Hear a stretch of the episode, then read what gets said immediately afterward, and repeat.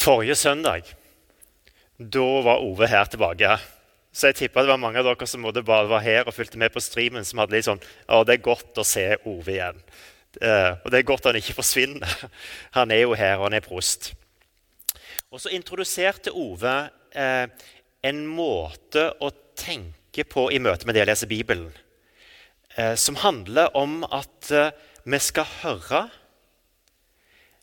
men vi skal òg gjøre. At det å høre skal føre til handling.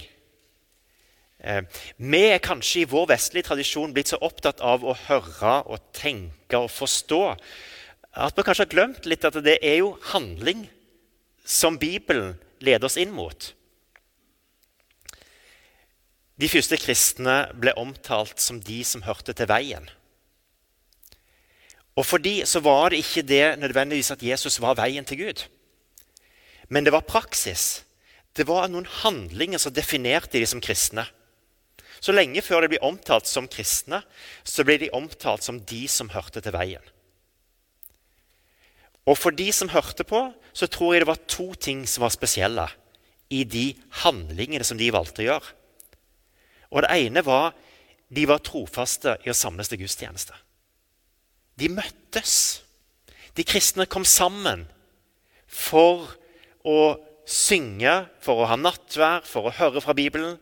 Eh, de møttes for å snakke om det som Jesus hadde gjort, og det han hadde sagt.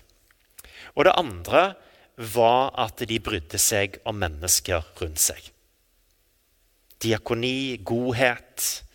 Det var kristen barmhjertighet som var også en av de kjernepraksisene som definerte de som kristne. Og Derfor er det spennende å se i apostelgjerningene at det, står at eh, de ble satt pris på i Jerusalem, i nærmiljøet. De satte pris på de kristne, for de brydde seg om mennesker rundt seg. Høre og så gjøre.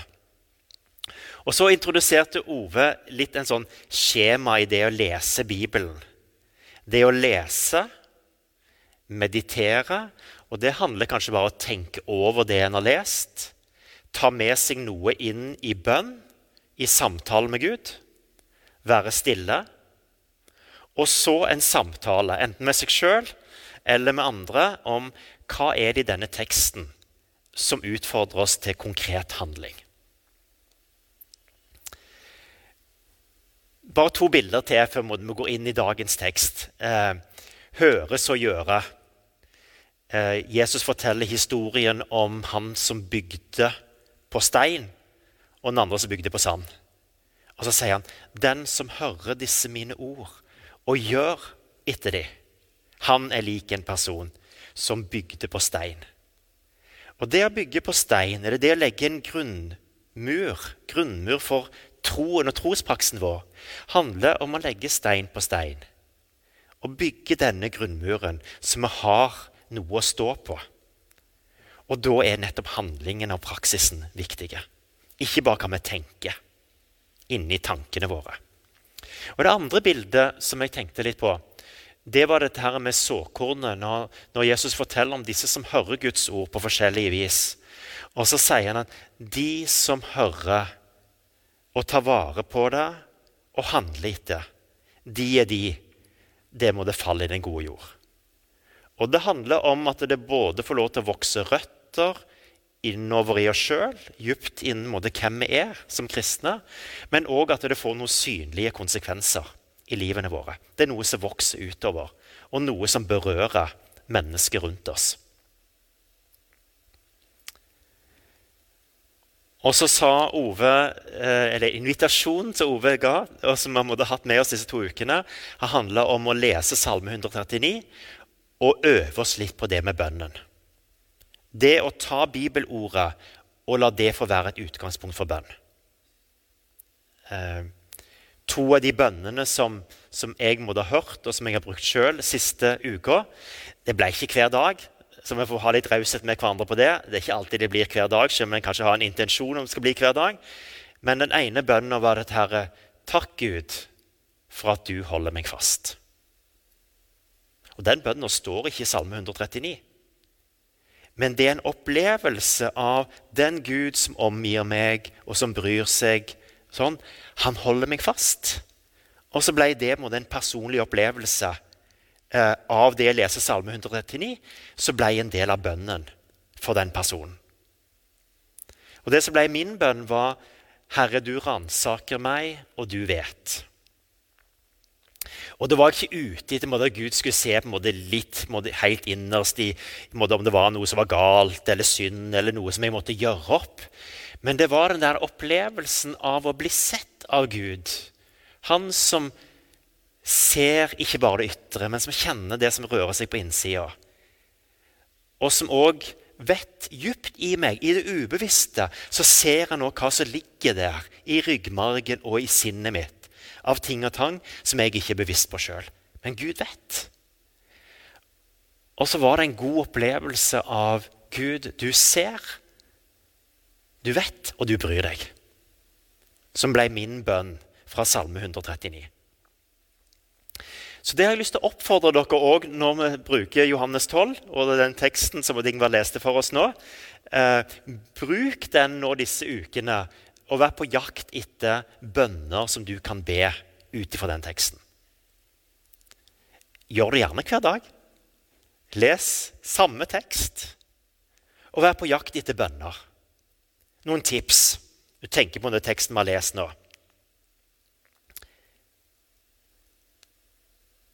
Det om Lasarus.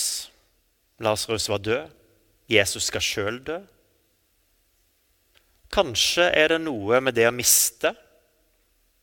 Enten det er gjennom død, eller det er helse, eller andre ting som en har mista. At det blir en del av samtalen med Gud. Gud, du ser jeg òg har mista. Sånn som Maria og Martha gjorde, og sånn som disiplene gjorde. Så dere skjønner litt det at det er eh, Vi gjør ikke Jesu offer noe mindre. At Jesus måtte dø på korset og stå opp igjen for å sone verdens synd og åpne veien til himmelen. Men vi utvider kanskje perspektivet litt på det å våge å ta litt inn i vår egen hverdag. Og la Bibelen få være et utgangspunkt for vår bønn.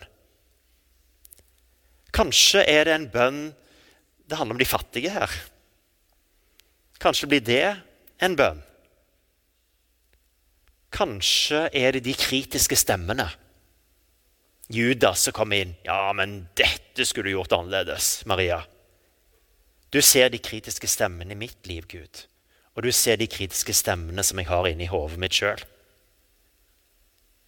Kanskje det kan være en del av bønnen og samtalen med Gud.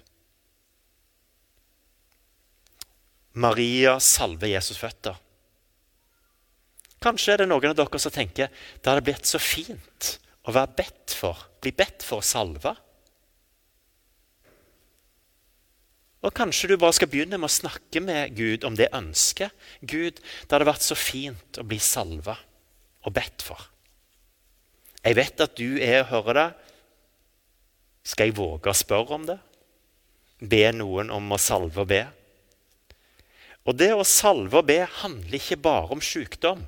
Det er én side av det i Bibelen, i Jakob 5. Men salving handler både om utrustning, og det handler om Guds berøring og Guds omsorg.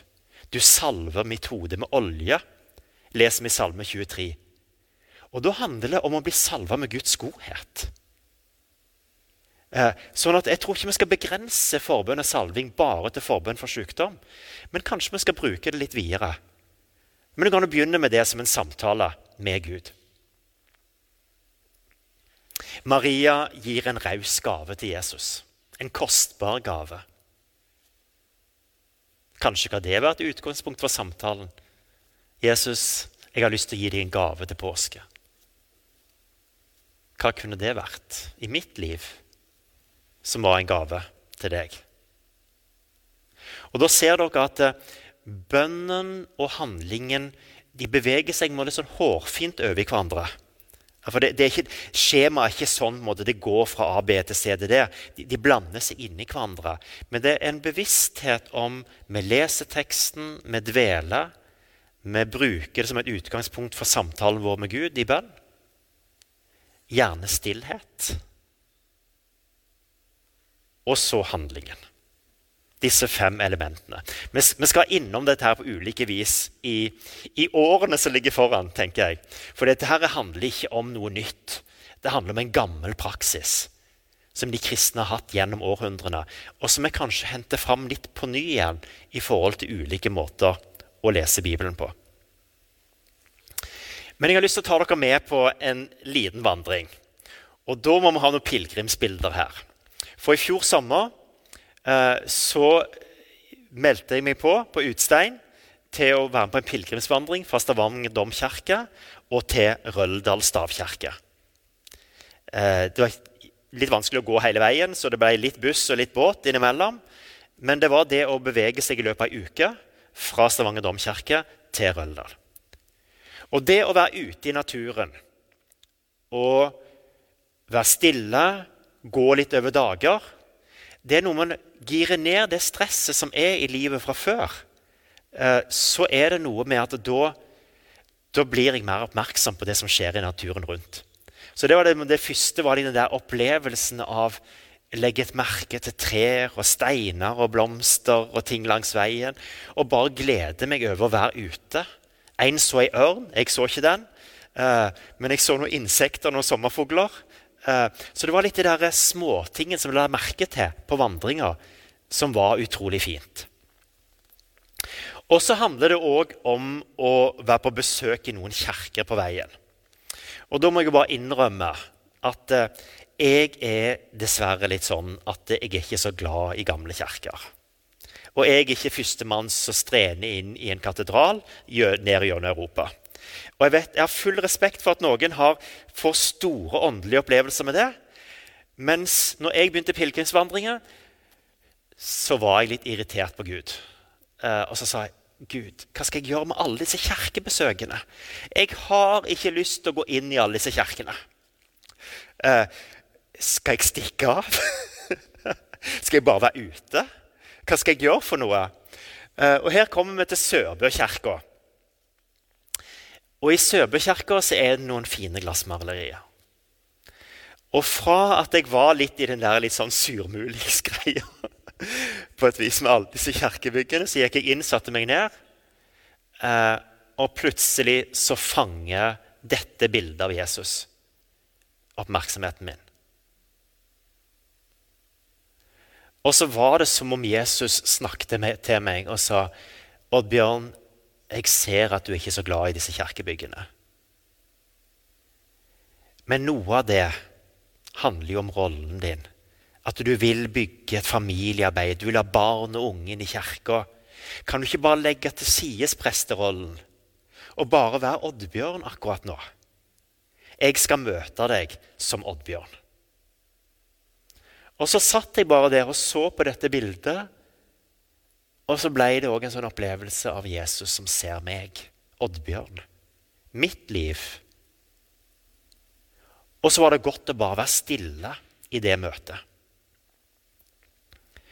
Og så blir jeg litt sånn nysgjerrig på det, så jeg sa til, til, til Gud at ja, jeg skjønner det at du, du, har tenkt å snu om på noen ting her på denne turen, og at du har lyst til å overraske meg litt. Eh, har, du mer, har, du mer, på lager i forhold til å snu litt opp ned på fordommene mine? Ja, det har jeg. Eh, og den tanken som slo meg, det var når jeg kommer fram til stavkirka i Røldal, så skal jeg ha en forventning om at Gud skal møte meg ved det krusifikset som henger der. Bildet av Jesus på korset. I gamle dager så søkte pilegrimer til Røldal fordi det var masse fortellinger om at folk ble helbreda ved det korset og det krusifikset. Og jeg er jo ikke katolikk sant, vel, som skal måtte gå til sånne krusifikser eller Maria-bilder eller et eller annet for å bli helbreda. Nei, nei, Gud, jeg tror ikke helt jeg er på den linja der. Men det var som om Gud likevel hviska jeg skal møte deg der. Og så var det en tanke som slo meg. Kanskje vil Gud helbrede meg òg? Men så slo det inn. For hva da? Hva skal han helbrede meg for? og så visste jeg ikke noe mer akkurat der og da. Men siste turen over Suldalsskaret, og det er dette bildet eh, Da plutselig så gikk vi over tregrensa, og så var det en halvmeter med snø. Midt på sommeren. Overgang i juni-juli. Halvmeter med snø. Vi går og trasker i snø i to og en halv time. Eh, og det som var litt kjipt for min del, det var det at sålen på den ene fjellskoen min begynte å løsne. Og Derfor neste bilde, ble det ganske stor oppmerksomhet på beina mine på akkurat den der turen over fjellet. Uh, her jeg måtte to ganger få tørka det litt, for jeg var innom ei lita hytte på veien. Så jeg bare tørker beina mine litt der. Uh, og så var det ei som, som, fortalte meg etterpå at hun hadde tenkt det når vi var der oppe. Uh, har du hatt en innskytelse? Skal jeg spørre Oddbjørn om jeg kan salve beina hans? Altså Bare tegne med enkeltkors sånn på beina. Men så tenkte jeg det er for sært. Det er for dumt. Så hun fortalte meg historien seinere, da. Eh, og jeg tror egentlig Det hadde ikke vært noen god opplevelse nødvendigvis for meg heller. Kanskje litt rart, men det hadde funka, det òg.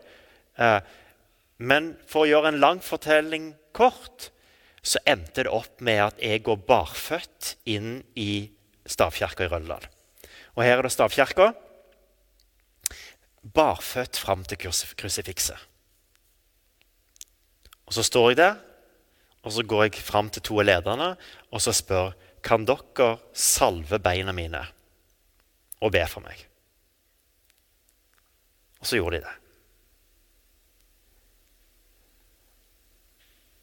Og så var det som altså, Det som var litt rart, det var at det, det var ingen stor opplevelse der og da. Eh, jeg gjorde det som var en innskytelse, eh, og ble salva beina. Og noen uker seinere så slo det egentlig ned i meg, litt det som hadde skjedd. Eh, og da tenkte jeg i tankene mine at jo, det Gud har helbreda meg for, det er frykten for å gå videre i livet. Og det handler både om ny kjæreste og det måte å våge og kjærligheten på nytt i forhold til det jeg mista kona mi. Men det handler òg om det å søke jobben her på Vea. Frykten for å forlate Ålgård, som jeg hadde vært i 20 år, og til å våge meg inn på noe ukjent på Vea i koronatid. Jeg helbreder deg fra frykten for å ta et skritt videre. Og jeg salver beina dine. Så ble jeg tegna et lite kors på beina mine på det å ta et skritt videre. Og så vet vi det at det, det, det er ikke noe sånn garanti for at ting går på skinner. Men det er de der Guds berøringer som skjer underveis i livene våre.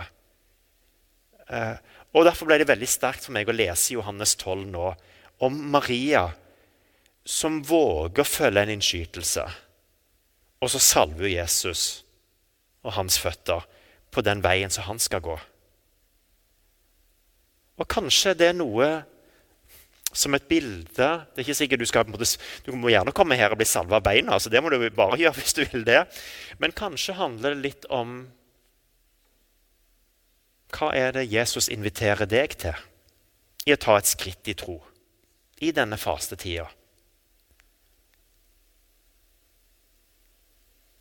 Og jeg tror at det, i disse samtalene som han Noen bibeltekster får lov til å leve med oss. Og kanskje vi det ber noe... det lite grann. Vi stille, vi leter etter hva er det som Gud inviterer oss til i dette. Så kan Bibelen bli ei bok eh, som berører oss i hverdagen, og som også gir oss hjelp til konkrete handlinger i vår vandring. La oss be.